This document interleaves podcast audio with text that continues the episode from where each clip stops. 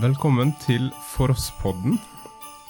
Det er en podkast fra den kristne ressursnettsida foross.no. Akkurat nå i disse dager så er det en spesiell adventspodkast der oss noen dager snakker om søndagsteksten for kommende søndag, eh, og noen dager så får oss høre om en salme. Eh, og dagens salme det er 'La meg få høre om Jesus' av Fanny Crosby. Ja, og jeg skulle si litt om Fanny Crosby først, tenkte jeg. Og så litt om den som er det jeg kaller en jule- og påskesalme. Mm. Fanny Crosby hun var født i 1820. Hun var svak da hun ble født. Hun fikk en kraftig forkjølelse da hun var seks uker gammel.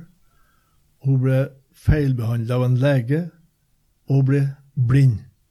Mm. Så hun var så godt som hele livet blind, Fanny Crosby. Så kan en lure på hvordan en blind person kan makte å skrive 8000 salmer og sanger som hun gjorde. Mm. Det er faktisk sagt at Fanny Crosby er den mest produktive blant alle sang- og salmeforfattere, for så vidt angår salmer som ble kjent. Ja, og det er jo veldig mange bedehusklassikere som, som hun står bak. Salige visshet. Gå med ei forbi og Jesus. Jesus hold meg ved ditt kors. Mm. Det er Fanny Crosby-sanger, og vi kjenner dem fra barndommen, vi som er på min alder i hvert fall. Og hun nådde veldig langt også fordi at det var engelsk, da, naturligvis. Mm. Så hennes sanger ble eh, spredt veldig effektivt rundt om i hele verden.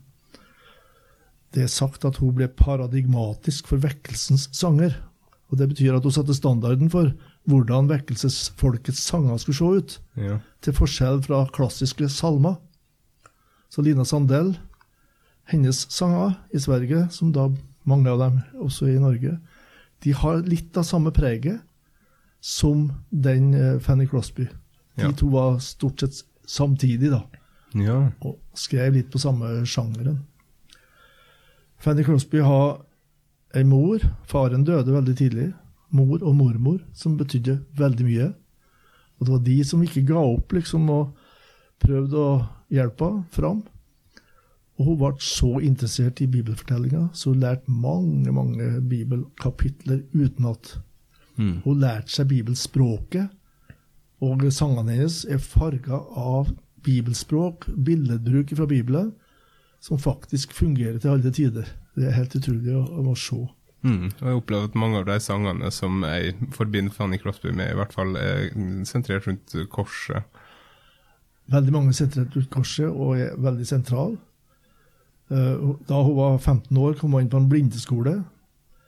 Etter hvert ble hun forelska i en blind lærer. Det var ikke ved første blikk, Nei, det kan jeg. men eh, de ble sammen og ble forelska. Hun ble gift med han.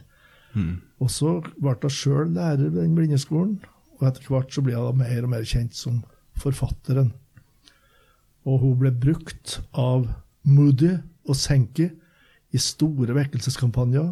Så de henta inn sanger av Fanny Crosby, fikk musikk til det, og så ble disse sangene spredt i vekkelsen. Skrev hun ikke også under noen pseudonym av og til, altså under noen andre navn? Det gjorde hun ofte i starten, men etter hvert så ble det Fanny Crosby. da. Så Ja. Jeg tror nok det har vært etter hvert det. Von Alstein heter jeg da, for mannen hennes het von Ja, ja. Men hun går under navnet Fanny Crosby. Hun ble jo så veldig gammel. Hun ble 95 år. Så helt på 90-årsdagen holdt hun en tale om alt hun har vært engasjert av innenfor vekkelsen, sangforfatterskap og diakoni. Ja. Hun har en veldig omsorg for de svake, sosialt utstøtte, som kunne bo i store perioder i slummen. ja. Det er merkelig kvinnemenneske, dette her. Men den sangen her, da Det er jo jeg som kaller det en julesang, da, for det er jo bare ett vers som har julemotiv. Ja. Og det er det første. Og jeg syns det er så talende, både for henne og for det kristne budskapet. Det, det er en helhet, en enhet. Mm. Du kan ikke løsrive påska ifra jula, og motsatt. Heller ikke påske og jul ifra Kristi himmelfartsdag og pinse. Mm. Så dette er høytider. Henger sammen. Og i Fanny Crosbys hode og poetiske året så hang det sammen. Og når hun da synger 'La meg få høre', Det var ikke så rart at en blind person la vekt på å høre, høre om Jesus og skrive hvert ord i hjertet. Så, så merker vi veldig fort jubel og musikk i det hun skriver. Det, sangen om Jesus. Mm. Det er, og musikken blir her uttrykk for gleden. altså. Det er noe som betyr så mye for meg at jeg er villig til å, til å prøve å få det ut i poesi. altså Rytme og lære seg utenat og synge og lovprise Gud.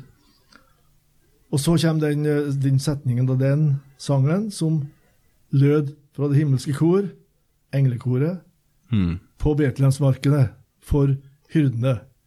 Ære seg Gud i det høye, født er en frelser til jord. Ja. Så enkelt er Jesus presentert da. Mm. Henta rett fra juleevangeliet. Rett fra juleevangeliet. Flere formuleringer er jo henta derifra. Og så kommer eh, refrenget. Syng det for meg. Jeg trenger å høre det om igjen og om igjen. Ja. Uh, og jeg eh, må høre det med jubel og glede, for dette er det største som finnes. Dypt i mitt sinn. Det skal synke inn. Og så kommer ordet om korset. ja. Og la meg få høre det atter. Gjenta det. Mm. Det er veldig flott, syns jeg, med Fanny Crosby, at du knytter sammen jul og påske. ja.